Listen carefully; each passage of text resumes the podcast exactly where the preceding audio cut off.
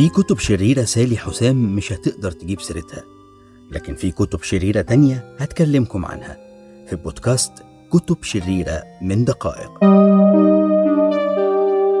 الكتاب اللي هنتكلم عنه النهاردة يعتبر كتيب إرشادات لجماعات إرهابية وأناركية كتير. الكتاب ظهر بشكل غامض سنة 1896 باللغة الإنجليزية ومحدش كان عارف مين المؤلف الحقيقي وقتها. لأنه ظهر باسم مستعار هو راجنر ريد بيرد. ورغم غموضه إلا إنه كان السبب في عمليات إرهابية واغتيالات في أمريكا وبتعتبره كتير من الجماعات النازية كتيب إرشادات ليهم. ده كان كتاب Might Is Right أو القوة تصنع الحق. سالي حسام وبودكاست كتب شريرة. منطق اليوم الكائن الضعيف يخضع أو يموت أو يتم استعباده. دي كانت أول عبارة في الكتاب. الكتاب كان ببساطة بيدعو لرفض كل الأخلاقيات بتاعة المجتمع الحديث وخاصة إذا كانت متأسسة على أفكار دينية مسيحية أو يهودية وبيرفض تماما أي فكرة ديمقراطية. رغم إن البلد اللي اتنشر فيها الكتاب كانت أمريكا اللي بتعتبر النموذج الأنجح لدولة ديمقراطية في العالم. في الفصل الأول هنلاقي الكتاب بيأكد على الفضيلة بس مش بالمعنى الاعتيادي. الكتاب بيقول إن الطبيعة بتكافئ الفضيلة لكن الفضيلة دي هي القوة وعشان كده المنتصر هو اللي بياخد الغنائم والذهب وهو اللي بيتجوز أجمل امرأة. الدليل على كده إننا كبشر بنفتكر أسماء نابليون ويوليوس قيصر كشخصيات عظيمة وكتير من الناس بيحب يعرف قصصهم ومعجب بيهم بغض النظر عن المذابح اللي ارتكبوها. سالي حسام وبودكاست كتب شريرة. الإعجاب ده نتيجة طبيعية بالنسبة للكتاب لأننا كبشر كلنا في طبيعتنا عايزين القوة. أما بقى لو حد فكر في مبادئ الرحمة أو الديمقراطية أو حقوق الإنسان أو حقوق المرأة فده معناه إن الشخص ده ضعيف وبيحاول يستخبى ورا القوانين دي عشان يداري ضعفه لأن لو كان قوي كان هيحقق كل أهدافه. وأحسن استخدام للقوة هو القوة الصريحة ومن غير مراوغة لأن الكتاب كان بيعتبر المراوغة علامة من علامات الجبن. الكتاب ما كانش بيتكلم عن الإنسان في المجمل أو عن نماذج شخصيات مشهورة بالقوة أو السلطة. ده كمان كان فيه تقسيم عرقي وجنسي بين الأبيض والأسود وبين الرجال والنساء. وبيقول إن الرجل الأبيض هو سيد الكوكب وهو الأقوى والمتفوق عرقيا على الأسود.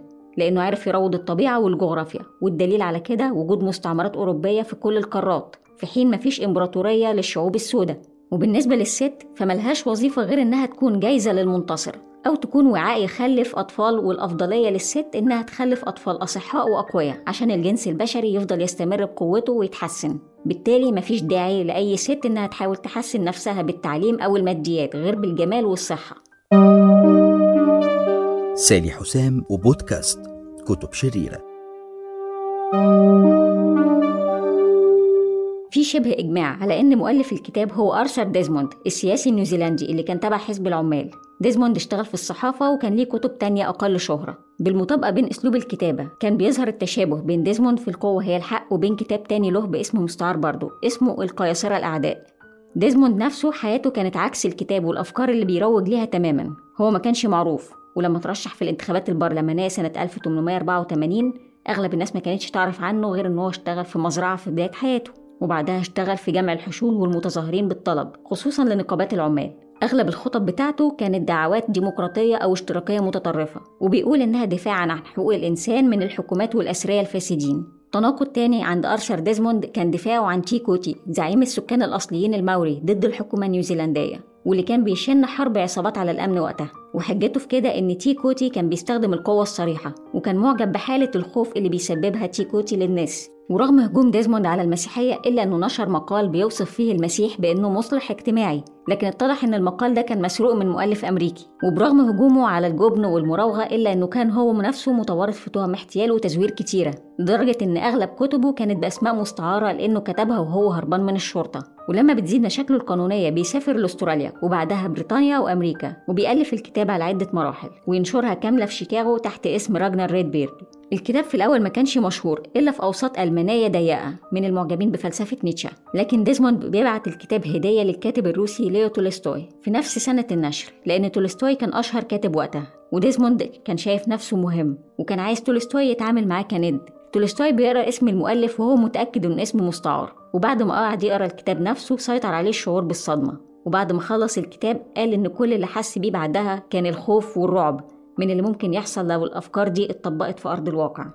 اللي ما كانش يعرفه تولستوي إن الكتاب وصل فعلا لروسيا وبقى مادة شعبية بين الجماعات الأناركية لدرجة إن وقت الثورة الروسية بعدها سنة 1917 كان كتير من الأناركيين انضموا للبلاشفة اللي كانوا ضدهم في الأول لسبب واحد إن البلاشفة هم الأقوى زي الكتاب ما بيقول. وطالما هم الأقوى فده معناه إن هم الصح. وكما الأناركيين نفسهم في روسيا الشيوعية كان بيخلي كتير من المعتقلين الأناركيين في سيبيريا شايفين إن ده دليل على صحة المبدأ. سالي حسام وبودكاست كتب شريرة. الضرر المباشر للكتاب ده كان في أمريكا الدولة اللي اتنشر فيها نفسها.